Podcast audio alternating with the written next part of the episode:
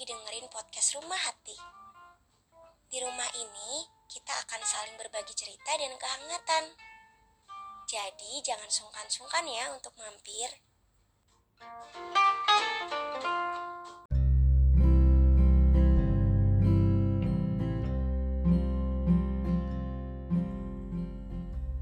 Hai, selamat datang lagi di Rumah Hati. Bersepeda pagi-pagi jadi rutinitasku selama dua hari belakangan ini. Alasannya sih karena ibuku bilang kalau dunia itu nggak sesempit kamarku.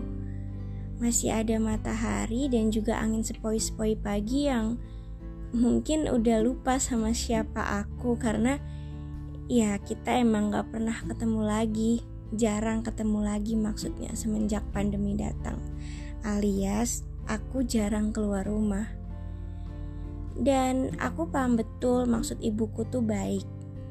Mungkin beliau mau mengingatkan kalau menjadi sehat itu sepatutnya jadi PR terbaruku akhir-akhir ini. Uh, lagian badanku juga kayaknya udah lumayan lupa untuk caranya berkeringat dan ini mungkin bakal cukup nyusahin aku yang sebentar lagi akan memulai aktivitas seperti semula di era offline yang akan datang.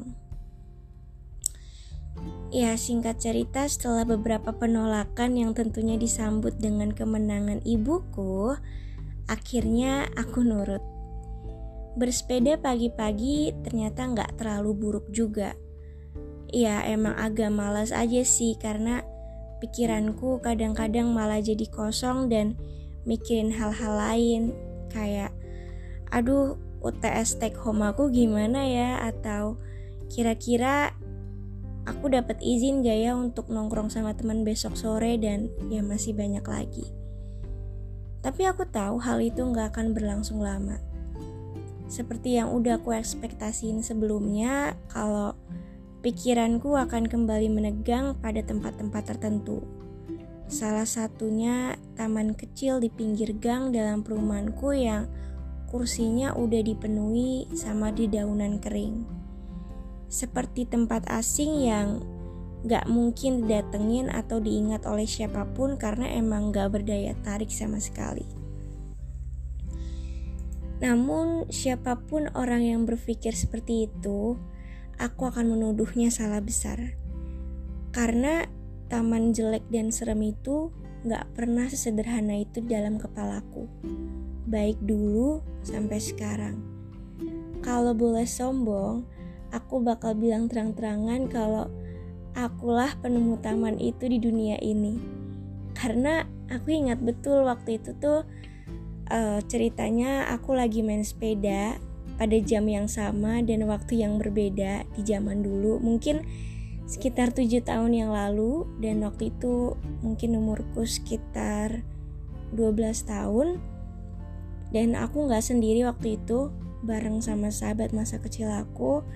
Dan kita lagi sama-sama kecapean karena kita lupa bawa botol minum.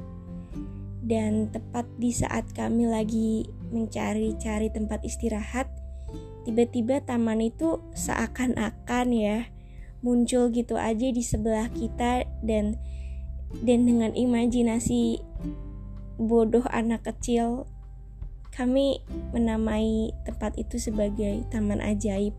Karena kita nganggapnya ya itu magic dan ya biasalah anak-anak.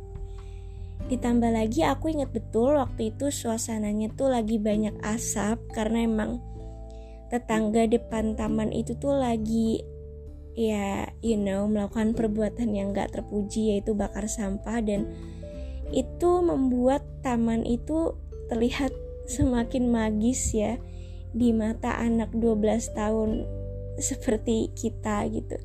Dan lagi-lagi dengan kayalan bodoh kita akhirnya kita menamai daerah tersebut sebagai terowongan asap. Karena ya kebetulan emang ada pohon-pohon besar di sekelilingnya yang emang ngebentuk lengkungan gitu layaknya terowongan dan hal itu juga yang bikin taman itu jauh dari sinar matahari dan ya sedikit lebih sejuk dibandingkan daerah lainnya.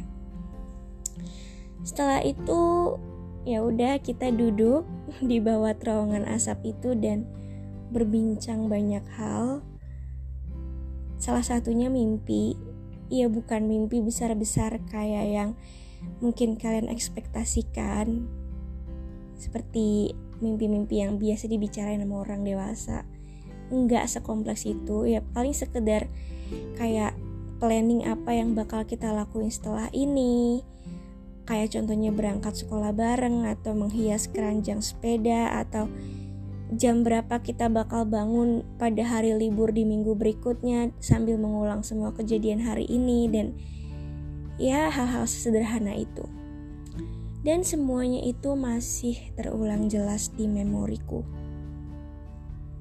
Sambil membantah semua bayangan bahwa taman itu sekarang udah kosong, udah jelek dan gak ada lagi terowongan asap karena emang ya pertama emang gak ada asap dan kedua udah gak ada lagi pohon besar yang melengkunginya nggak tahu kenapa mungkin ditebang ya tapi intinya aku tetap nggak bisa menyangkal kalau tempat ini tetap ajaib. Kenyataan bahwa aku datang ke sini lagi selama tujuh tahun setelahnya dan tentunya sendirian tanpa bersama sahabat kecilku memang nggak bisa dibilang cukup membahagiakan. Hal ini ngingetin aku pada kenyataan bahwa dunia ini berputar dan waktu ini berlalu dengan begitu cepatnya dan jujur hal ini ngeselin. Tapi kenyataan bahwa tempat ini pernah jadi tempat di mana aku tertawa keras-keras bersama orang yang aku sayang. Uh, ya kenangan itu nggak akan pernah berhenti berputar meski nggak ada lagi asap maupun hembusan angin pagi seperti biasanya. Alasan-alasanku tadi kepada ibu tentang kemalasan untuk keluar rumah, atau kemalasanku untuk berolahraga mungkin bukan alasan yang paling valid yang bisa aku utarakan. Mungkin ada beberapa alasan lainnya, seperti kenyataan bahwa sebenarnya aku tuh terlalu takut untuk menerima kenyataan bahwa aku udah terlalu lama terkurung dan tertinggal oleh waktu yang terus-menerus sebenarnya berlari mengejar hal yang gak pernah ada habisnya. Dan aku jadi sadar kalau aku udah banyak tertinggal di belakang dan sedang mempertanyakan tentang di mana hal-hal yang dulu pernah ada atau ke mana aku harus dapetin semuanya lagi atau kenapa semuanya harus hilang dan ya akankah lebih baik untuk aku ikutan berlari atau ninggalin semuanya Ya, dan masih banyak lagi pertanyaan random lainnya. Tapi kenyataan bahwa pernyataan-pernyataan itu gak akan membawaku pada sebuah jawaban murni jujur membuatku sedikit lebih enggan untuk siap sedia dalam setiap perubahan yang ada. Menutup mata atas hal-hal baru yang gak semanis masa lalu, emanglah bukan hal yang sebenarnya patut untuk diperjuangkan.